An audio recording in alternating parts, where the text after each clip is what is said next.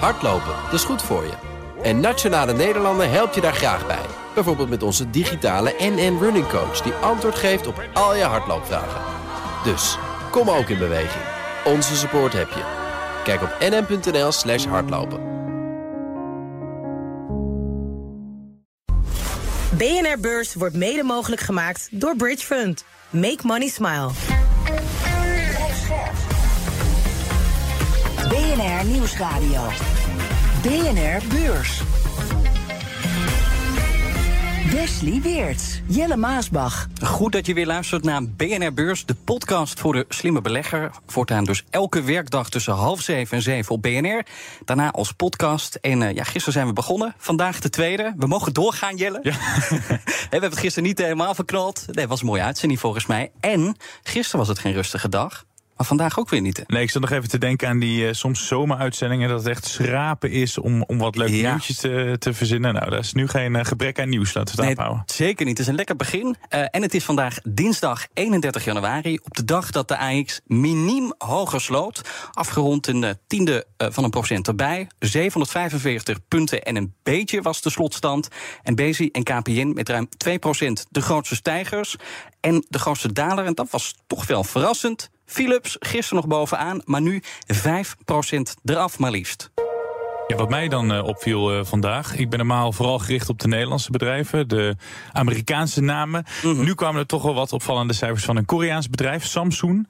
Ja, dat vond ik ook wel opvallend. En tegelijkertijd waren het ook wel cijfers die we, uh, waarvan we eigenlijk wisten dat die zouden komen. En waarvan ja, we eigenlijk hoopten. Ja. ja. precies. Want ze hadden al voorlopige cijfers. Maar we hoopten eigenlijk dat ze misschien een beetje beter uit zouden vallen. Dat is niet zo, hè? Ja, wat we natuurlijk uh, zagen bij dit soort bedrijven, zagen we ook bij de Apples van deze wereld, dat het alleen maar meer werd. Veel mm -hmm. meer telefoons en andere technologische hoogstandjes die ja. ze dan verkochten. Toen kwam corona, toen gingen we als een gek inslaan. En het lijkt erop, ik herken dat zelf wel, dat we even uitgekocht zijn. Ja, tuurlijk. En wat ik ook wel merk, die telefoons, ja, ik kan eigenlijk hetzelfde met de telefoon die ik nu heb als met de telefoon twee jaar geleden. Dus we kunnen ook langer mee. We hebben allemaal een beetje minder te besteden. Dus dan zeggen we, nou, dan nog een extra rondje met onze telefoon. En dat merkt dus ook Samsung. Want het bedrijf koopt met de grootste winstdaling in acht jaar. Doordat wij, Jelle en ik, uh, dus minder kopen, de hand op de knip houden. De winst die kwam uit op 3,2 miljard euro. En dat is een daling van bijna 70 procent. Ja, jij zegt wij en ik. Ik heb sowieso niet een telefoon daar gekocht, maar dat is weer een Nee, dat, ja, dat klopt. Jij bent de iPhone-fan. Ja, ik heb trouwens ja. ook geen Samsung-telefoon. Dus aan ons hebben ze niks verdiend. Al ja. zitten die chips natuurlijk ook gewoon in andere mobiele telefoons van Samsung. Ja. Hè? Dus dan kunnen ze toch indirect aan ons verdienen. Um, en vooral dus die chipdivisie, die draait uh, slecht. Um, en die ingestorte vraag, die houd ik nog wel even aan. Want Samsung waarschuwt namelijk voor weer een moeizaam jaar. En dan heb ik het dus over 2023. Maar ze blijven wel lekker uh, doorinvesteren. Ja. Niet bezuinigen. Nee, geen bezuiniging. Want dat zien we bij concurrenten uh, gebeuren. Maar dat doet Samsung niet. Ja, nou, of dat slim is en of daardoor Samsungs voorsprong groter en groter wordt... dat leggen we voor uh, aan onze gast. Nou, dat bespreken we met uh, Erik de Graaf van ING Investment Office. De allereerste keer bij ons te gast. Erik, welkom. Ja, dank je. Goed dat je ja, bent. Absoluut. Leuk om, om hier te zijn. Ja, en uh, ander nieuws was uh, KPN, dat als enige AX-bedrijf vandaag kwam. Op het eerste gezicht zag het er goed uit. Omzet en winst was beter dan verwacht. Mm -hmm. Er zit meer geld in kas. Ze gaan voor honderden miljoenen euro's aan aandelen inkopen. En leuk feitje, daar ben ik altijd van. Voor het eerst sinds 2008 weer omzetgroei. Allemaal mooi. Maar er is wel een maar, die uitrol van glasvezel waar ze groot op inzetten. Afgelopen jaar bijna 350.000 huishoudens erbij. Maar ze hebben wel flinke concurrentie.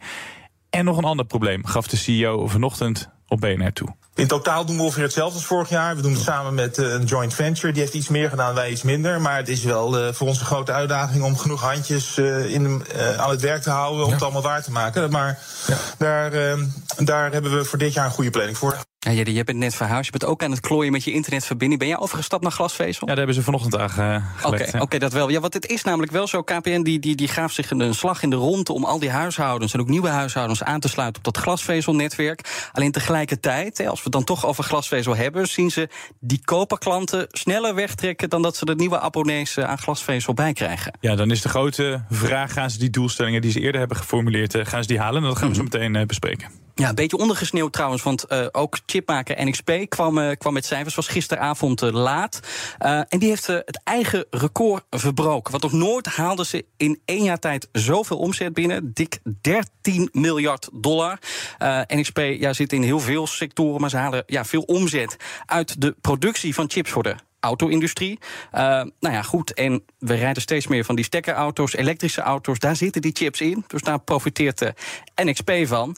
En ja, Sajant detail is natuurlijk ooit van Philips geweest. Ja, Philips doet mooi. het heel slecht. NXP ja, doet het een heel stuk beter. Dan even iets heel anders. We hebben het vaak over crypto's of, of goud of oldtimers. Allemaal van die alternatieve manieren van beleggen. Ja. Weet je waar je ook je geld in had kunnen stoppen? Uh, een handtas. Ja, nee, ik heb geen idee. Nee. Ik geef je een hint.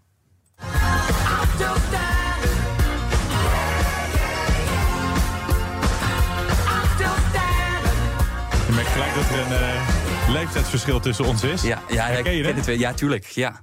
Nou, Nou, nee. Elton John. Ja. Die heeft een uh, wereldtournee, uh, is die bijna mee klaar. Die heeft het meeste opgebracht ooit. 820 miljoen. Er is nog nooit een artiest geweest die in één tijd zoveel geld bij elkaar heeft. Maar ik kan niet zingen hoor, Jelle. Nee, maar je kan dus, uh, je kan dus, hij had dus ook hierin in kunnen investeren. In totaal heeft hij 1,9 miljard euro opgehaald met al zijn tournees. Dus als jij gewoon had geïnvesteerd erin, dan uh, nou, je goede klappen kunnen maken. Nou, heb ik niet gedaan. Het duurde 13 jaar, maar na 13 jaar van dalende inkomsten groeit de omzet weer. Jubelstemming onder beleggers bij KPN. Maar je hoort zo of er nog wat zorgen zijn. Maar eerst naar Samsung, dat dus de laagste winst in acht jaar tijd draaide. Nou, het bedrijf kwam dus eerder deze maand al met de voorlopige en summiere resultaten. En toen was dat allemaal nog niet uitgesplitst naar verschillende divisies. Maar nu hebben we de definitieve en complete cijfers. Erik, wat valt daarin op? Ja, wat opvalt is dat de, de echte cijfers, dus de operationele cijfers, toch nog wat meer tegenvielen dan verwacht. En dat Mhm. wat met name aan de semiconductorkant, je- of de halfgeleiderkant, je noemde het al. Ja. Nou had je dat wel mogen verwachten. De geheugenchips, wat belangrijk is voor hun, is met 60% gedaald afgelopen jaar. En we hebben al cijfers van Micron gezien, die van dikke 2 miljard winst naar een verlies gingen in jaar op jaar. Dus helemaal nieuw is het niet. Maar ondertussen hebben we ook gezien telefoonverkopen. Zowel Samsung zelf als de hele markt heeft het moeilijk. Belangrijk voor Samsung. Ja. Maar ook eh, schermpjes, eh, wat dat betreft. Eh, heel veel dingen waar het even niet loopt. Ja, want dat vergeten we dan, want ze zitten in heel veel apparaten Ja. natuurlijk van ons. En ook daar loopt het wat minder. In de marge van het kwartaalrapport stond wat mij betreft wel iets belangrijks. Samsung verwacht namelijk in 2023 opnieuw krimp. En dan is eigenlijk de vraag die als belegger wil weten en beantwoord wil hebben... van hoe lang duurt deze malaise? Uh, ja, waarom ze in ieder geval krimp verwachten in de komende kwartalen... is dat de eerste twee, drie kwartalen van, van 2022 nog erg sterk waren. Dus die vergelijkingsbasis is heel moeilijk. Als Ja. je, zelfs als je op het, het niveau van het vierde kwartaal zou blijven... of, of iets daarboven, dan, dan heb je nog heel veel goed te maken. Ja, dat was het moment waarop we nog thuis werkten. Precies, Waar die eh, dingen ook op dat. de toonbank gingen. En, en natuurlijk, wat ook zeker niet meegeholpen heeft... is dat het in China eh, de boel toch redelijk stilgelegen heeft in, in december. En dat we allemaal ontdekken dat als er een energierekening komt... dat je dat misschien eerder moet betalen dan een nieuwe telefoon of iets in die geest. Ja, en toch zegt Samsung vanaf de zomer gaat het allemaal beter. En, en dan denk ik, want je noemde net al wat andere bedrijven die met cijfers kwamen. Intel is ook met cijfers gekomen. Die durfde helemaal geen outlook te geven voor het volledige jaar. Juist vanwege die onzekere, eh, dat on- onzekere ondernemingsklimaat. Maar Samsung zegt, vanaf deze zomer gaat het beter. Is dat niet heel optimistisch? Ja, dat zal de tijd leren. Misschien dat het optimistische mensen zijn. Ehm, Maar ben jij zo optimistisch? Ben je ook een optimistische man? Eh, ik, ik ben redelijk optimistisch. Maar het, het, het grote probleem waar je tegenaan loopt... is dat het niet te voorspellen is. Het enige wat je weet is dat vanaf, vanaf de zomer... dat de vergelijkingsbasis weer een stuk makkelijker wordt. Dus dat het in ieder geval optisch er beter uit gaat zien. Eh, en ja, je hebt een, een, eh, een geheugenchipmarkt... Die, die redelijk naar de bodem is ge- gedaald. Dat betekent dat, dat daar niet zo heel veel meer van af kan zijn mogen verwachten. Eh, kosten gaan wel naar beneden verder. Dus dat, dat begint elkaar weer een beetje te compenseren, hopelijk. Ja, en China gaat ook weer open. Is dat ook nog een reden voor die hoop op herstel? Het zou moeten helpen, absoluut. Het, zijn natuurlijk toch een, eh, of het is toch een land waar eh, ja, heel veel mensen wonen die telefoons kopen. Ja, is, is dat een, ook echt een belangrijke markt van Samsung? Hoe afhankelijk is Samsung van China? Oeh, eh, direct hebben ze volgens mij een marktaandeel van een procent of 15. Maar ze leveren ook heel veel ehm, onderdelen, dus chips, eh, schermpjes aan, aan een keur van Chinese partijen. die een heel groot deel van de markt eh, ehm, ja, beheersen al daar. Ja, wat, wat ik wel bewonderingswaardig vond, is dat Samsung zegt: nou ja, die winstcijfers die, die kelderen, dat kunnen we denk ik wel concluderen. Maar we blijven toch investeren in chips. Terwijl je concurrenten, daar zie je ja, dat die productie wordt teruggeschroefd. om ook die, die chipprijzen een beetje op niveau te houden. Maar Samsung grijpt eigenlijk, ja, is mijn lezing dan, deze crisis aan om marktaandeel te winnen. Wat, wat vind jij daarvan? Nou, als je een van de grootste, of in, op het ge- geheugengebied de grootste bent, dan kan je dat makkelijker doen.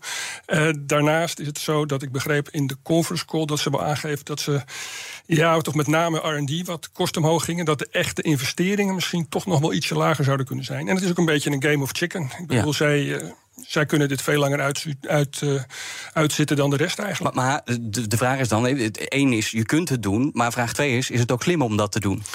Ja, je bent natuurlijk uh, nog steeds met een aantal concurrenten aan het vechten. Op het moment dat jij uh, de volgende generatie uh, al, al, klaar hebt staan... en daar dus door de nieuwe productieprocessen goedkoper kan leveren...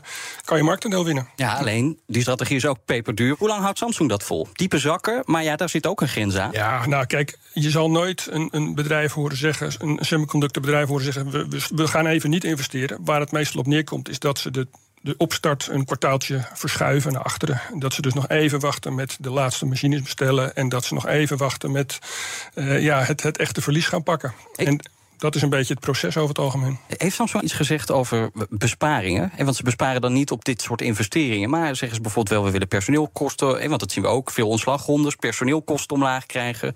Of op andere manieren besparen? Nee, heb ik niet echt gezien, maar daar, daar, was ook niet de nadruk op, denk ik. Ik denk dat dat uh, wellicht uh, ja, in het jaarverslag of op een ander moment naar boven komt. Maar dat is niet echt een thema geweest uh, op het moment. We hadden het net over die concurrenten van Samsung. Is Samsung, het aandeel Samsung interessanter dan de aandelen van die, van die concurrenten?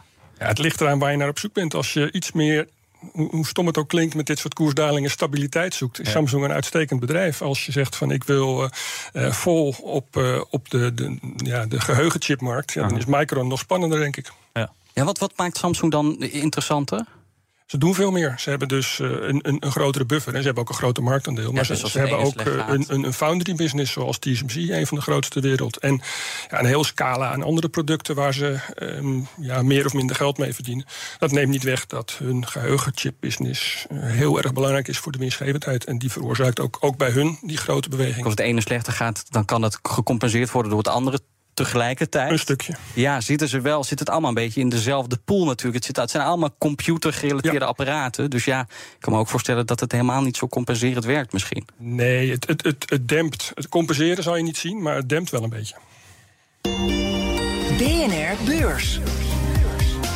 Ja, blik op Wall Street. Want uh, het was gisteren al gekkenhuis met uh, de kwartaalcijfers. Vandaag weer bedrijven als uh, McDonald's, Pfizer, Caterpillar, General Motors... en nog veel meer bedrijven die kwamen met cijfers.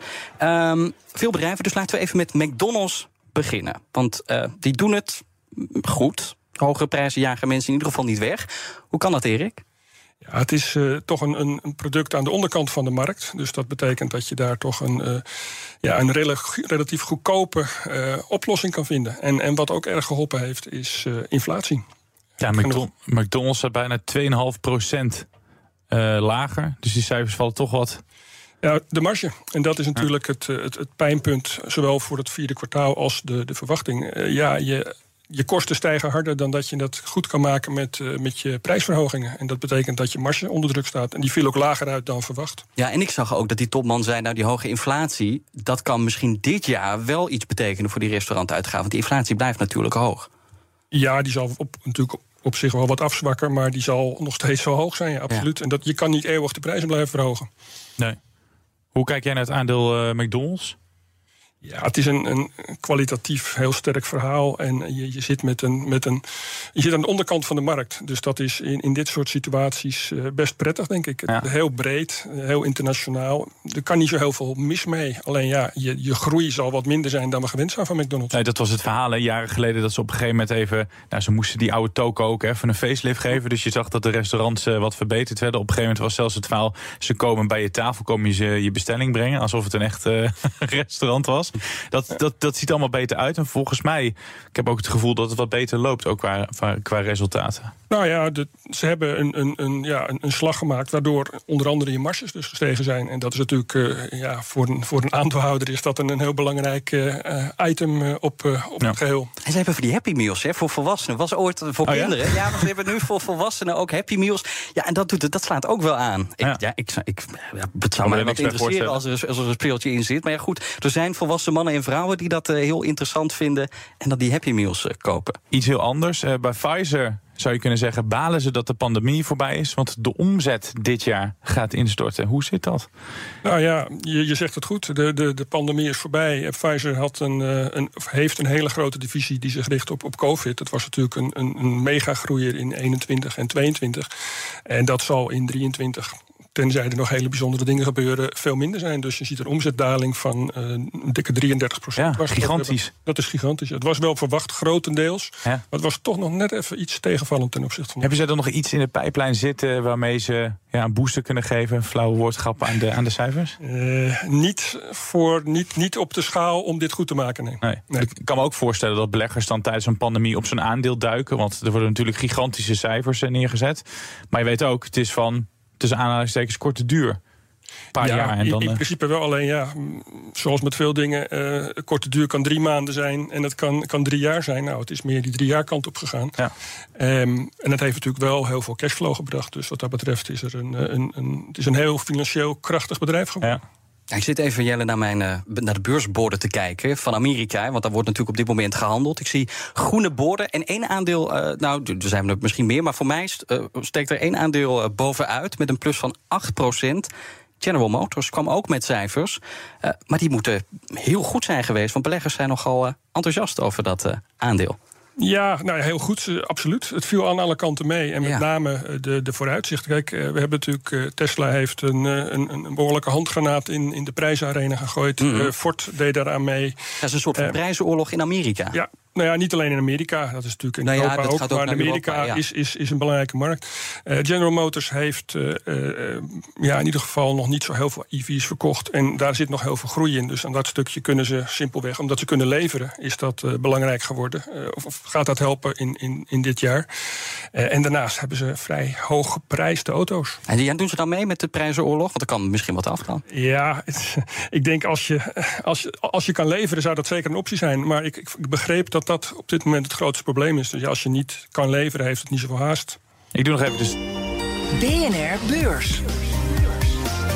Ja, je nog even zeggen, jij was net de standen vergeten. Ik ben niet boos, maar ik zal ze nog even noemen. Dow Jones staat 4 tiende van de procenten de plus. De Nasdaq een procent erbij. En de S&P 500 17 van de procent. Even voor de volledigheid. Nou, dankjewel dat je dat me hebt die, gered, Jelle. Dankjewel. Het duurde even 13 jaar maar liefst. Maar de jaaromzet van KPN is weer gegroeid. Een prestatie voor het eerst dus sinds 2008. En ik ben even in de boeken gedoken, Erik. Het jaar was dat dat de overname van Debitel werd goedgekeurd. Wie kent het niet? Dat jaar konden ze ook al de resultaten van Getronics, uh, Getronics meenemen. Toen was de topman nog Ad Scheepbouwer.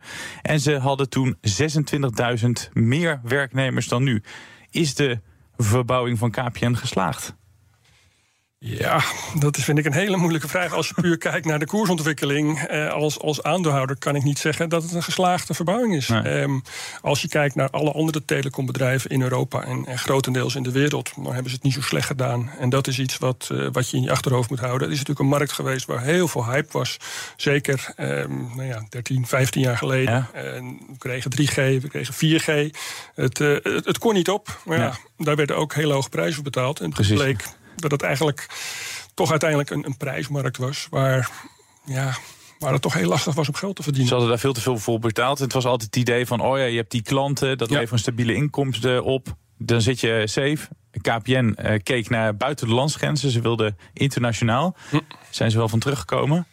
Ja, nou ja, dat klopt. Ze zijn natuurlijk uh, stap voor stap uh, eerst E plus kopen, uh, of tenminste opbouw, verkopen. en ondertussen, de afgelopen jaren, is, er, is het een, een, een, grote speler in Nederland. Maar dat zal niet gaan veranderen. Ze kunnen niet echt verder consolideren. Alle kleine clubjes zijn zo'n beetje opgekocht door de verschillende partijen. Daar kan niet zoveel meer gebeuren. Er zit geen groei in, je noemde het zelf al. En, en als er groei in zit dit jaar, ja, dan praat je meer over inflatie en met andere dingen dan, dan onderliggende groei eigenlijk. Mm -hmm. En dat zal ook niet gaan veranderen. Nee. Ik bedoel, je hebt aan de ene, de ene kant wat plusjes, nou ja, glasvezel. Aan de andere kant weer een, een minnetje, omdat er overgestapt wordt van, van koper. Um, het is allemaal ja, in de marge eigenlijk. Is dat het onderdeel dat het het beste doet, dat glasvezel? Ze zetten er het grootst op in, maar is dat ook het onderdeel waarvan jij zegt, ah, dat presteert wel best? Oeh, eh, ik heb niet alle cijfers in mijn hoofd op dat gebied, moet ik zeggen. Ehm, ik, ik, denk dat ze het zeker niet slecht doen. Maar ze hebben, net zoals eigenlijk alle andere partijen, te, te kampen met een gebrek aan capaciteit om uit te bouwen. En, en dat is iets. Uh, dat verschilt een beetje per kwartaal en per jaar. Hoe dat, uh, hoe dat per, tussen de verschillende concurrenten ja, uitbodemt eigenlijk. Ik kan speakers al een paar honderdduizend huishoudens hadden ze erbij. Mm -hmm. En ze waren zelfs uh, lyrisch over die cijfers van het gaat goed. We hebben steeds meer huishoudens erbij die gebruik maken van glasvezel. Daar zetten ze grote pin. Maar ondertussen is die concurrentie is moordend. Ja, die is moordend, maar dat is, het, dat, is, dat is in deze hele branche is het moordend. Het is namelijk in die end uh, ja, een, een, een kostenplaatje. Ik bedoel, het onderscheidend vermogen van, van een telecombedrijf is, is heel beperkt. Dus ze moeten, uh, je moet een goede verbinding hebben en ze moeten niet te veel kosten. Veel meer wordt er niet gevraagd. En dat is ook een beetje wat, wat iedereen biedt uh, tegenwoordig in de wereld. Nee. En dat zie je ook dus, ja.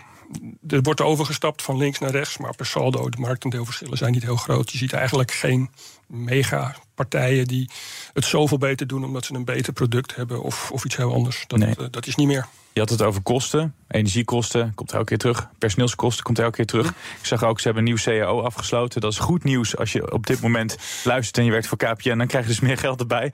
Voor de baas van KPN is het minder goed nieuws. En misschien ook voor het aandeel. Hoe denken zij al die kosten op te gaan vangen, denk jij? Ja, nou, het is natuurlijk ook een, een, een, tak van sport waar je eh, steeds efficiënter gaat werken. Zoals eigenlijk overal. Uh, je hebt uh, op het moment dat jij een, een glasvezel hebt aangelegd, zijn daar heel beperkte kosten. Dus dan heb je eigenlijk het, het onderhoud, wat, wat, wat niet heel, heel, heel groot is. Mm -hmm. um, ja, je bent met, met schaalvergroting ben je er al. Dat is het probleem, dat is de oplossing niet. Maar uh, ja, verder optimaliseren van wat er is. Um, en de prijzen verhogen indien noodzakelijk en mogelijk. Maar hoe ver kun je dat optimaliseren? Want je zegt eigenlijk met, met uh, ja, innovatie kom je niet heel ver bij die providers. Het, is allemaal, het leidt allemaal een beetje op hetzelfde. Mm -hmm. Je kunt dus op de kosten heel erg gaan zitten. Nou, dat kan dan goed uitpakken voor je aandeelhouders.